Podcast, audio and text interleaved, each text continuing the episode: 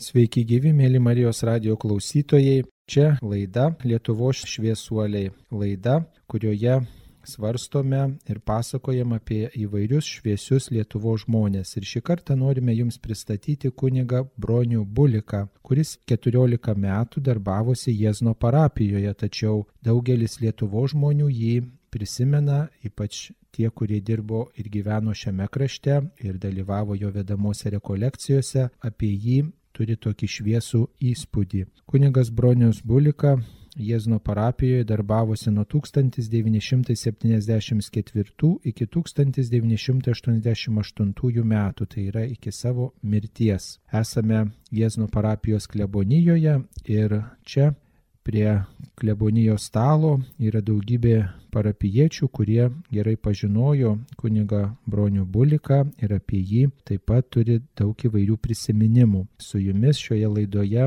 apie kunigą Bronių Buliką prisiminimais dalinsis buvusi prancūzų kalbos mokytoja Eugenija Rimšienė, taip pat parapiečiai Stasė Navickienė, Jėzno miesto bibliotekininkė Bronė Urlikienė, taip pat Adelė Pranskevičinė, buvusi Jėzno miesto bibliotekininkė. Dabar noriu klausti Eugenijos Rimšienės, prancūzų kalbos mokytojos, apie kunigo Broniaus Bulikos gyvenimo istoriją. Gal galėtumėte trumpai pristatyti mėlyms klausytojams kunigo Broniaus Bulikos gyvenimą?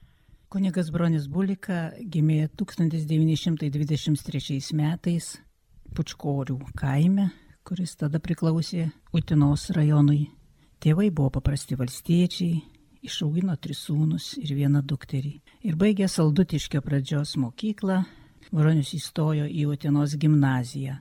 Čia jis atkreipė į save visų dėmesį, tapo klasės lyderiu, kaip gražiai prisiminė jo laidotuvėse kalbėdami buvę klasės draugai. Besimokant gimnazijoje prasidėjo neramumai, valstybinės santvarkos pasikeitimas, paskui žmonių trėmimas į Sibirą ir kitos baisybės.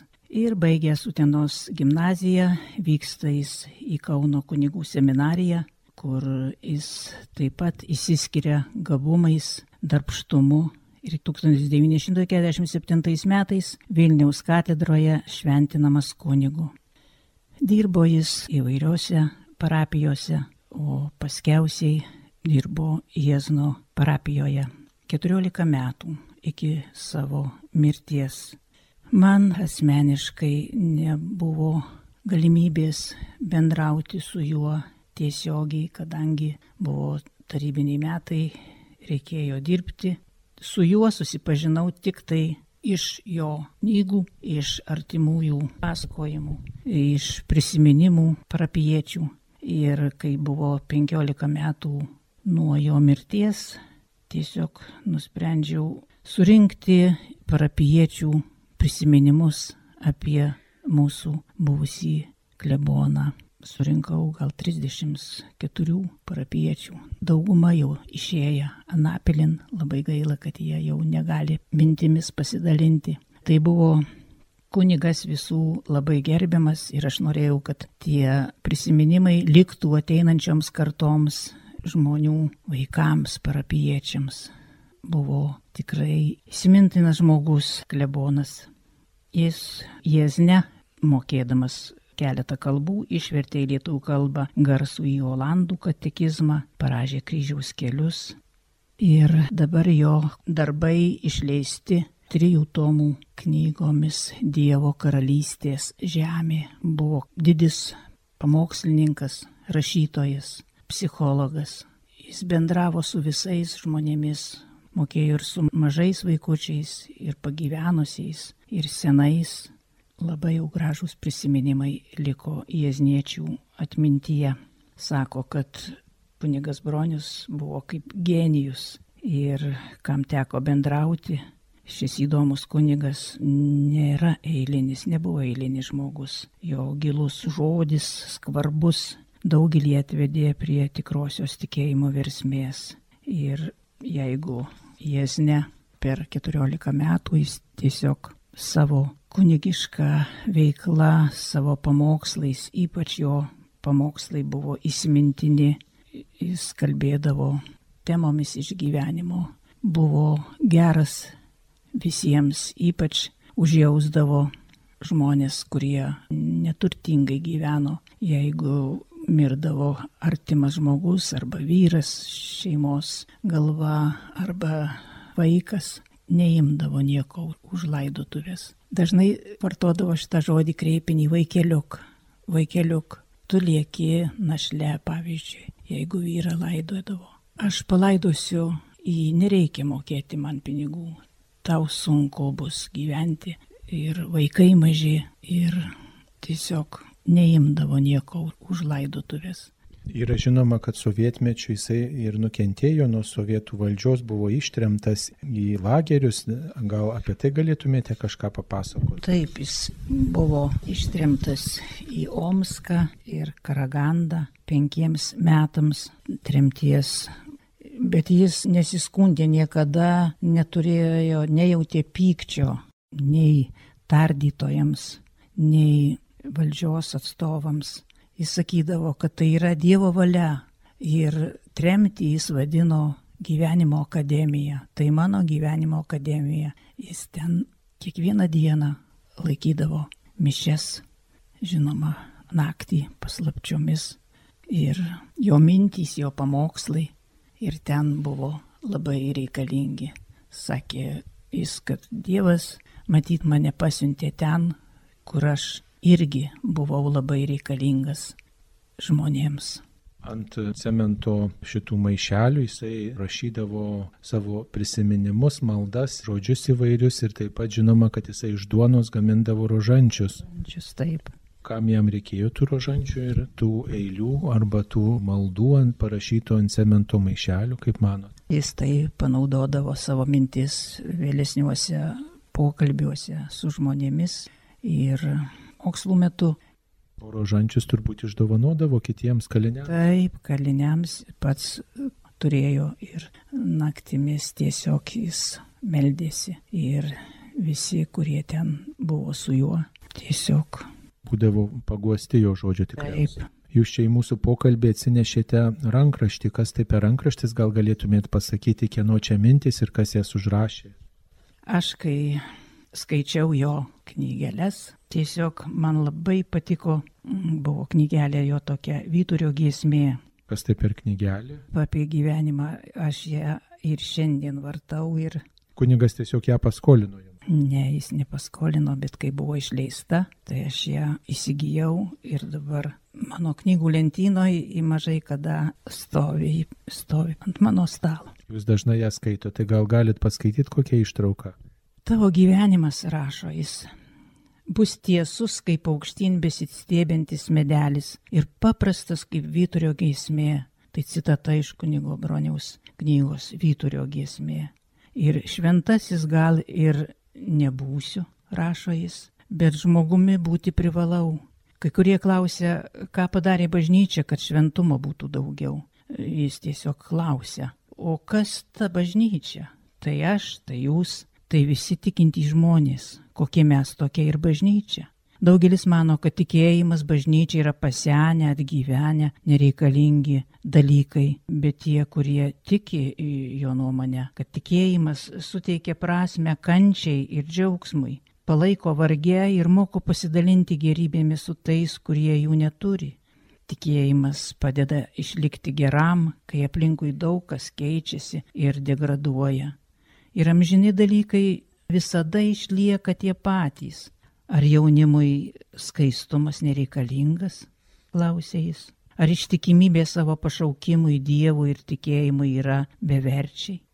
Tikėjimas neišmislas ir nekvailystė. Tiesa ir teisybė aukščiau visko. Ir sunkia gyvenimo valanda jis patarė, primena, kad mes turime keturias paguodas - ašaras ir gerus žmonės, tikėjimą ir maldą kai susitvenkia skausmas, paverk, patarė jis, tik akmenys neverkia. Kai ateis geras žmogus, paguosk, o žmogus visada su mumis. Dievas visada su žmogumi, jei tik mes patys nenusisukame.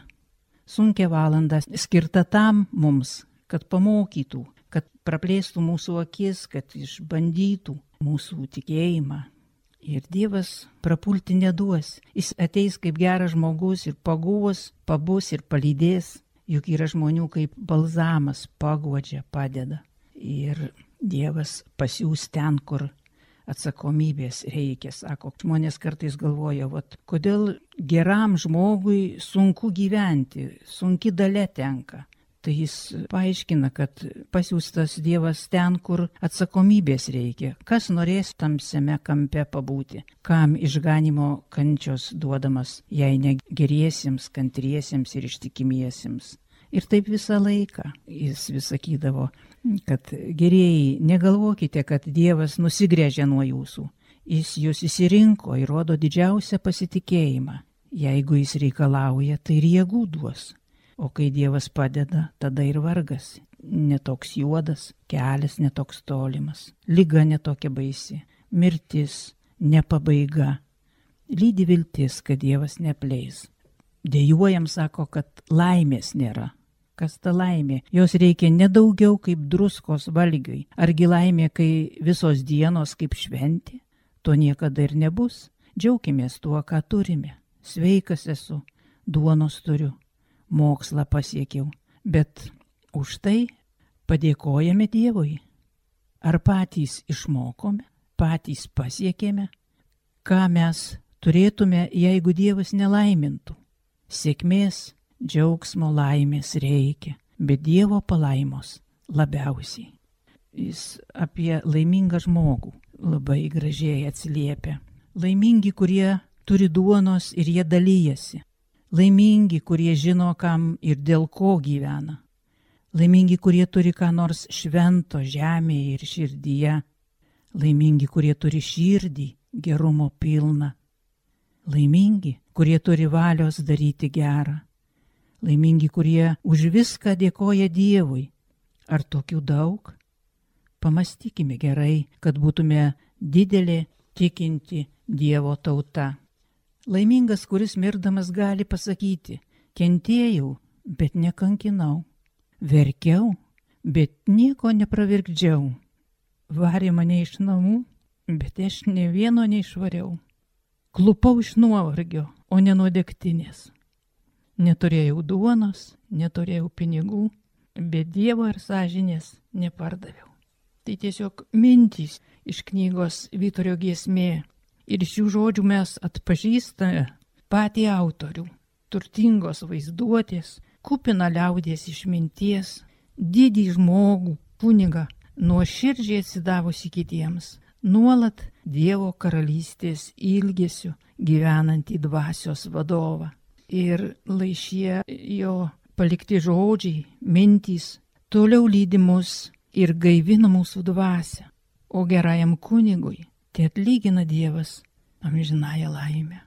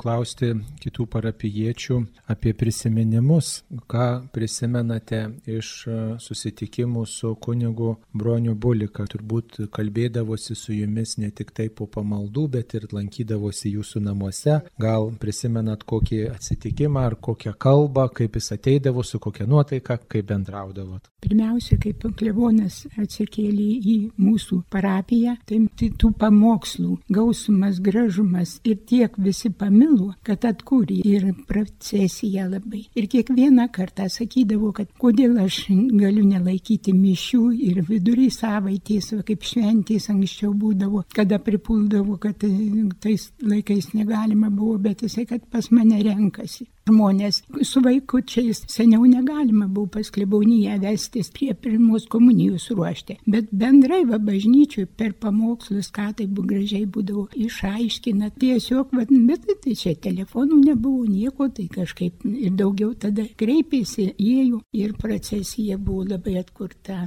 Toje procesijoje eidavot? Apie bažnyčią. Apie bažnyčią ir buvo užteko vaikų ir pagalvėliai nešti ir trys altorėliai ėjo, ir devynios vėliavos moteris ir vyrai jau jo pamokslų atsimenama. Ką iš jo pamokslų atsimenama? Kad sakydavo, jeigu motina nepalaimys vaikų, tai kas sako, jei prakeiks, tai kas juos palaimins. Paskui sakydavo, jeigu sako, neklūpėsi prieš Dievą, tai sako, vis tiek klūpėsi prie medžių, klūpėsi, kai girtas reiškia bus. Ir iš viso taip labai jau žmonėm gražiai paaiškydavo, sakė, močia, jau kai skundžiasi senutės, galbūt per spavedį, kad skaitosi ten, skriaudžia, remtum negerai. Tai klausė, sako, ar jumi duoda duonos, ar užrakyta? Ne, sako, nu tai jei ne, tai sako, dėl darbo nesiskūskit. Koliuk, sako, galit padėti, tai jūs ne iš dykumo, sako, skauda rankas ar ką. Labai gražus buvo pamokymai visą laiką.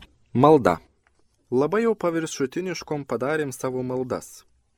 Daugiausiai jos liko tik gražų žodžiai, kuriuos kalbame ar gėdame, nekartą vos nemeluodami, vaidindami, apsimesdami, o tikime, kad garbiname, atsiprašome, maldaujame Dievą ar dėkojame jam.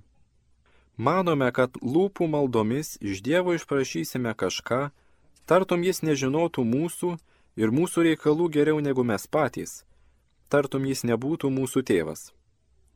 Manome maldomis gali suteikti Dievui malonumą tartum Dievas būtų suviliojamas ar paperkamas. Manome, jog malda atsiprašysime Dievą, kad jis atleistų, dovanotų, nematytų ir vėl leistų daryti tą patį. Žodžiais atsidėkosime Dievui už visą, ką jis yra mums davęs. Bet juk ir tie žodžiai, ir tas dėkingumas yra jo dovana. Dar sudėtingiau, kai norime maldomis atlyginti skolas, susitaikyti su užgautais ar nuskriaustais žmonėmis, susilaukti pasisekimų, savo ar kitiems išprašyti dangų, užuot gyvenę vienybėje su Dievu. Užtat ir nebesimeldžia tie, kurie suprato, kad malda negalima gauti to, kas negalima, malda negalima pakeisti visko. Pirmiausia, mes turime atsiminti labai aiškiai Šventojo Pauliaus pasakytą tiesą. Mes jame gyvename, judame ir esame.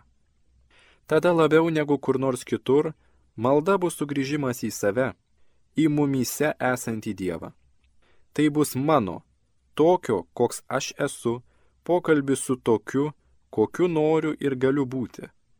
Malda tai susikaupimas, susitelkimas, susigūžimas, kaip paukščio prieš skrydį. Gali būti tik vienas žodis - Dieve. Gali būti tai, kas guli ant širdies, malda kaip šauksmas, kaip skundas, kaip čiurlenantis upelis, kaip skambi giesmė ar rauda. Gali nebūti ne vieno žodžio, tik prigludimas, tik spengianti tyla, tik tegu būna tai, kas yra. Mes galime melsti slapta ir viešai, namie, laukuos ir bažnyčioje, vieni ir su kitais, chorų kalbėdami ar gėdodami tėvę mūsų ar litanijas, savai žodžiais ar skaitydami iš maldaknygės, taip, kad niekas nesupras, ką mes darom, ar pasirodydami visiems, bet visa tai paskui tai tik forma ir išraiška. Be minėto artimumo nebus maldos. Su anu artimumu viskas yra malda. nes Dievas visada yra labai arti mūsų. Net ir tada, kai mes manome, kad jo atsikratėme, kad jį iš tikrųjų išvarėme netikėjimu ar nuodėmėmis, kai viešai pareiškėme, jog netikime ir jokio Dievo nėra. Malda ir yra sugrįžimas, atsigrėžimas, prieigimas, prisiglaudimas prie jo. Regimoji, juntamoji vienybė su Dievu ir yra jo didžioji malonė - Dievo vaikų būvis. Tėve mūsų. Tai žodžiais Jėzus Kristus mus moko kreiptis į Dievą. Ši malda yra visapusiškai dieviška - turiniu ir pasiekmėmis. Jos turinys vis labiau atsiskleidžia, kai ją įsimastai, jos palaima vis labiau užlieja, kai kalbi mąstydamas ir suprasdamas, ką sakai.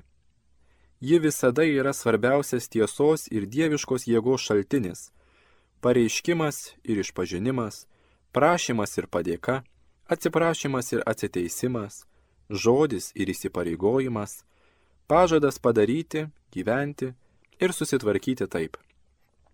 Tėve, jeigu šitaip nemeluodamas galiu kreiptis į Dievą, jau esu jo malonėje, jau esu jo sūnus ar duktė. Jis jau nebe tolimasis, nebe nesantysis, nebe baisusis, o aba, tėve, tėvelė. Aramėjų vaikai šiuo žodžiu kreipiasi į tėvą. Tėve mūsų, duonos mūsų, kaltes mūsų. Tai mūsų visų brangiausi dalykai - tiesa, laisvė, grožis. Būtiniausi - oras, duona, polsis, vanduo, žemė. Sunkiausia - klaidos, kaltės, nuodėmės, atleidimo troškulys. Todėl ir prašome suteikti jų ar išlaisvinti nuo jų visus, nes Dievo dovanos ir malonė negali būti tik man vienam. Jei visi šitų Dievo dovanų neturės, ar šitų Dievo malonių negaus, aš vienas laimingas nebūsiu kuris esi danguje. Kur yra Dievas, ten yra ir dangus. Kur yra dangus, ten yra ir Dievas. Be Dievo dangaus nėra ir nebus. O be dangaus mums gyventi sunku. Laimės troškimą visi nešiojame savyje. Bet jinai galima tik tenai, kur gerbiami, šventais laikomi tikrai šventi dalykai. Tavo vardas kur klausoma sąžinės, kur paisoma daiktų prigimties, kur įsijungiama į svarbiausiąją valią - tavo valia. Kur jungiasi žemiška su dangiška, žmogiška su dieviška, aukščiausiajam pradui persunkiant žemesnįjį ir žemesniajam pradui kylant aukštyn - tavo karalystė ir mūsų pastangos. Atvirumas Dievo malonė ir ištikimybė - čia jau mūsų prievolė. O šioje maldoje glūdi ir tikėjimas, ir pasitikėjimas, ir visos konkrečios meilės išraiškos. Ir ačiū, ir dovanok, ir aleliuja. Yeah.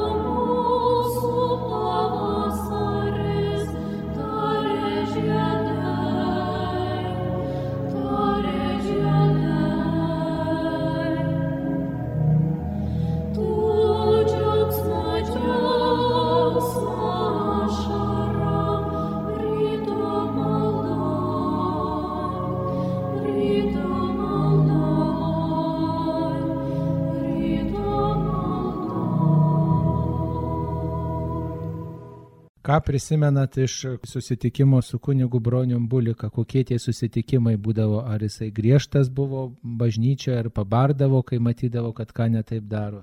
Kadangi aš bibliotekininkas, aš neturėjau teisės eiti į bažnyčią, bet reikalai privertė mane, 84 metais jis atvažiavo ir man reikėjo, gruodžio mėnesį buvo mano mamos mirties metinis nuėjom mes susitarėm, kurią dieną tenai buvo. Mano giminė labai plati, labai daug suvažiavo, nes mama yra iš aštuonių vaikų, ji pati užaugino septynias dukras. Ir žinot, tokios pamaldos buvo gražios. Patiesdavau, nežinau kaip vadinasi tas. Ir iš vienos pusės tris pastatė, ir iš kitos pusės tris pastatė. Mame dukras O paskui jisai peržvelgė visą bažnyčią ir prie altoriaus pasikvietė šešis žmonės patarnauti į tą tarpą papuolė kolūkio pirmininkas, finansų skyriaus vedėjas, bet jie buvo ne iš čia, iš toli,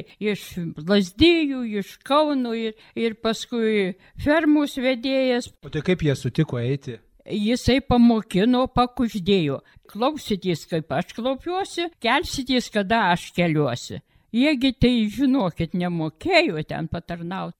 Aš tiek žavėjausi, tiek gėriau tą grožį ir aš niekaip žiūrėjau į tuos patarnaujančius ir galvoju, ir komunistėlį, ir visoks, bet tu klūpai prie altoriaus. Ir jie sutiko.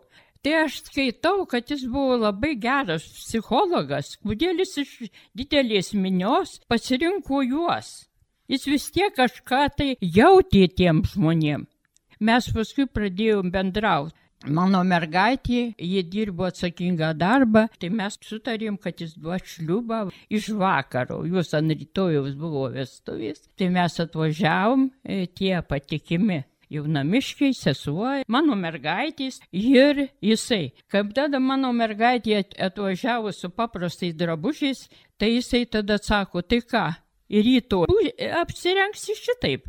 Tada aš parlėkiau namo su vyru, paėmėm juos tuos gražius drabužius. Nuotako suknelę. Nu, nuotako suknelę mes ją aprengėm, o jis paleido tokią gražią muziką kad aš buvau nustebinta, aš sėdėjau ir jis gražiai, jie atėjo su žentų takučiu ir prie altoriaus ir taip gražiai davė šliubą, aš jam ir šiandien dėkinga. Tai va. Šventę surengi, ne bet kaip, ne. Ne, ne bet kaip.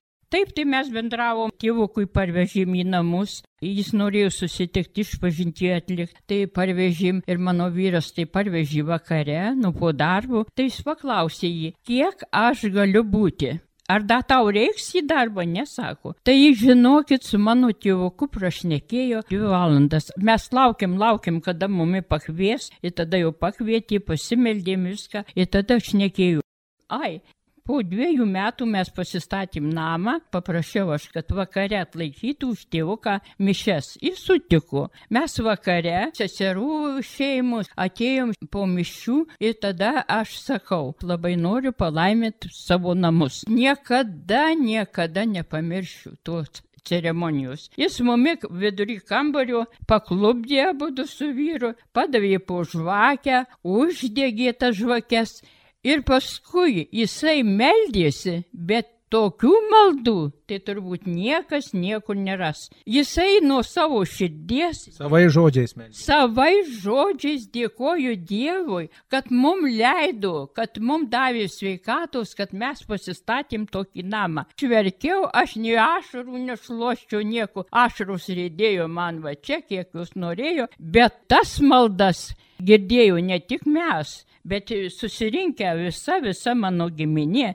ir paskui vaišinomės ir jį pakvietėm, tai jisai dalino, paima lėkštę ir visiems, tai mums tam nepatogu, kunigas mums patarnauja. Kaip Kristus. Nu, Ir žinokit, buvo naminė duona, mes kepdavom su vyru ir buvo skilandis, tai jis pasiėmė vienoj rankui naminės duonos gabalą, antroj rankui skilandį. O aš įsigandau, kad aš jam nepadėjau. Ir lėkštutės, ir peilių, ir šakutės. Sakau, atsiprašau, klebonė, tai aš turbūt. O jisai sako, naminė duona tai yra šventa. Va šitaip pakėlė. Ir skilandis tai yra Lietuvos pasididžiavimas ir sako, bet jūs paragaukit iš rankų, yra skaniau valgyti. Tai jeigu kas nors būtų įėjęs, jis vis tiek būtų pasakęs, kad čia yra nepaprastas žmogus, bet yra klebonas. Jis man daug padėjo. Aš stiprybės sėmiausi iš jo knygų, iš jo pasisakymų. Ką dar prisimenat apie kunigą Bronių Buliką, kokių įvykių, nutikimų yra buvę jūsų šeimoje? Vaikus auginom, vaikai ėjo bažnyčion, matys ėjom ir vaikus vedėmės. Mergaitė procesijoje dalyvavo, aš pati procesijoje dalyvavau. Sūnus patarnaudavo mišioms, tai būdavo septyni kokie berniukai beveik kiekvieną sekmadienį apie altorių suklaupdavo. O mokykloje buvo direktorius labai aršus ateistas, tai jau jis labai vaikus bausdavo. Procesijos mergaitėm klebonas sako, žinai, padarom šydelius, tai uždedam to tokius merlinius šydelius, kad nepažintų tų mergaičių. Šydą ant veido, kad nepažintų. Taip, apie bažnyčią jinagi buvo tokių, kad sekė. O nežinot, kaip klebonas bendraudavo su tais, vat, kurie sekdavo, kurie priešiškai buvo nusiteikę, negirdėjot iš kitų liūdimų. Kai, kai nu, jį pasišaukė ant raudono kilimo, tai jis sakydavo, vaikai pas mane tik tai meldžiasi ir nieko blogo nedaro. O sako, jūs baus kitos, kad ir gatvė maina ir kad ir vagia ar- arba kažkada daro. Nu va, jau per reguliakcijas, tai vakare vaikų pilna bažnyčia. Nes diena mokykloje būna, o vakare tada jau visos mamos eina su vaikais, labai gražius pamokslus sakydavo. O tai klausykit, ar eidavo vaikai dėl to, kad mama tėtis liepia, ar kad kunigo žodelis gal toksai paveikus. Jau šitie, kad reidavau patarnauti mišiom, tai ten jis visus pamokymus visokius ir labai užsiimdavo ir visi norėdavo, jau jie ne tik, kad mamos liepia, bet labai ir bulikuosi klebono patraukimas buvo didelis. O ar su klebonu keliaudavot, pavyzdžiui, į kitus atlaidus, į kažkokias šventes, lankyti vietas tokias, kaip dabar sakytume, piligriminės, ar būdavo tokių išvykų? Būdavo važiavom, ne- neprisimenu dar tų vietų, bet e, žolinės atlaidus tai pradėdavo bulika iš vakarėse. Vakare ir važiuodavo visi koristai, šitie patarnautojai, mergaitės, katros klūpėdavo, jau nuveždavo. Na tai jau kada intentai važiuoja, meldžiasi viską, o paskui tai jau irgi pa padainuoja. Čia kai grįždavo atgal į jas. Atgal kaip jau po visų atlaidų, po visų pamaldų, tai jau tada. Jaunimas irgi dainuodavo. Dainuodavau, nu tai ką, klebonas dainuoja, kurio nedainuos. O ką dar prisimenat iš kunigo žodžių, visada va, tas žodis palieka širdį ypatingai to žmogaus, kuris moka žodį valdyti, o kunigas Bronius Bulika garsėjo kaip tas, kuris e, sakydavo įtaigius pamokslus. Gal tikrai įstrigo koks pasakojimas, detalė ar Kada aš dirbau bibliotekoje, negalima buvo eiti Velykinės išpažinties, o mano vyras buvo tikintis. Aš einu į darbą pirmąją valandą, o jis eina į bažnyčią. Bet ačiū Dievui, niekas nepaskundė, nes jau buvo Prienų rajonas, tikrai geri žmonės buvo. Tai žinokit, man reikia įsmukti paprastą dieną, o jeigu aš įeisiu per paradinės vartus, gali kas mane pamatyti, o čia šone yra varteliai. Aš ateinu vieną kartą, kad tie varteliai užrakyti. Bet jau aš įsiruošus, aš turiu tą dieną prieiti išpažinti. Tai jau aš tada pavaikščiojau, pažiūrėjau, ar nėra įtariamų žmonių ir įsmukau. Ir einu dabar išpažinti. Jo išpažintys tai buvo pats nuostabiausias dalykas - pasišnekėjimas su protingu psichologu. Tai aš tada prašau, klebonė, kitą kartą jūs neužrakykit tų vartelių. Gerai, gerai, kvietkelį, daugiau aš jų niekad nerakysiu. galėtumėte, reiškia, nepastebėti ateiti į bažnyčią ir atlikti išpažinti. Čia vieną turim nuotrauką, klebonas priklaupęs prie kapo per laidotuvės ir štai visi suklaupę, laidojamas keturiolikmetis vaikas. Gal galit ką papasakoti apie šitas laidotuvės, šitą įvykį? Aš galiu viski. Čia koristės bajorienis giminaitis laidojamas. Ir jį po to nenorėjo eiti gėdot, lyg tai gedulas. Jisai pasigavo ją ir sako, gėdoti tu gali, kad ir gedulas, Klaupęs kunigas, tai čia turbūt per viešpaties angelo maldą. e, leidžiant, va, pažiūrėkit, dar karsto nėra. O jisai niekada nepasididžiadamas jis pats ir klaupdavusi ir Klūpavo tol, kol buvo užirsta žemėm kapas. Tai čia tik per tas laidotuvės ar ir kitose laidotuvėse atsiklaupdavo prie kapo. Nu, atsiklaupdavo per viešpaties angelos giesmę, bet čia, kadangi jaunas buvo ir jis tiesiog pats jau tėvų tokį gailestį ir pats pritarė. Klūpėjo tol, kol visai užkasė jį. Taip pagerbė tą jauną. Dar turit savo užrašų knygutėje daug visokių įspūdžių. Nu, jis tiesiog mylėjo visus, auklėjo pijokėlius. Jis sakydavo, kad pragėrimui pas mane pinigų negausit. Neikit ir neprašykit. Jūs e, pragerėt tiesiog savo motinų, žmonų, vaikų ašaras ir Lietuvos garbę.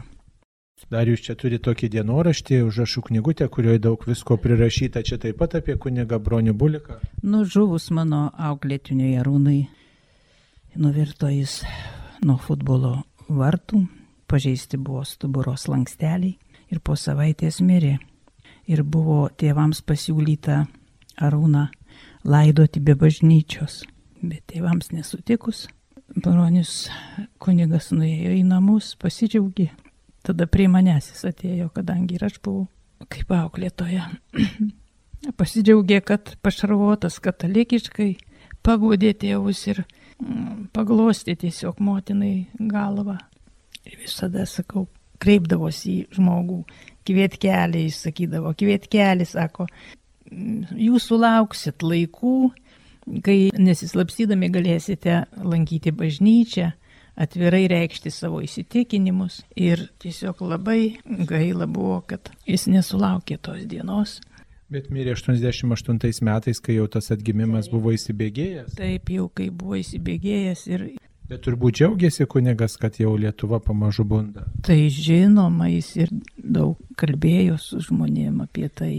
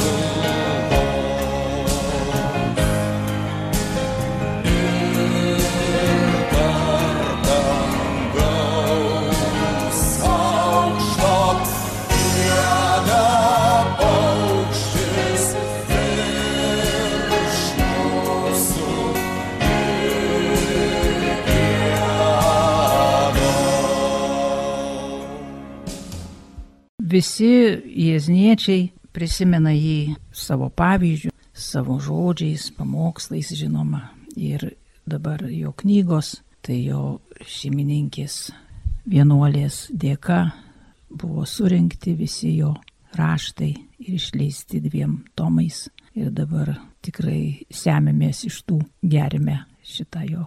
Jo gerumą, jo žmogiškumą, jis mylėjo, sakau, ir žmonės, ir artimą, ir mokė, kaip reikia mylėti ir Dievą. Ir visada jis lieka su mumis. Ir va, dabartinis parapijos klebonas mūsų kunigas Rolandas Bičkauskas, minint kunigo broniaus mirties metinės, aukoja šventasis mišes Birželio 22 dieną ir tiesiog pasikviečia kunigus, kurie pažinojo jį ir jie dar pakalba mums savo išgyvenimus, savo įspūdžius.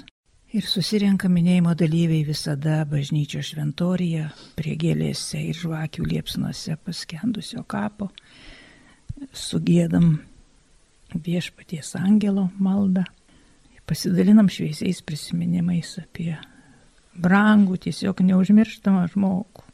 Ir prie kapo ateina ne tik parapiečiai, švenčiantys savo jubiliejus, bet šventę savo šeimos, bet ir mm, tiesiog tie, kurie mm, nori paprašyti Dievo pagalbos ir jo kunigo broniaus užtarimo. Ir jis visada tikrai liks mūsų atmintyje.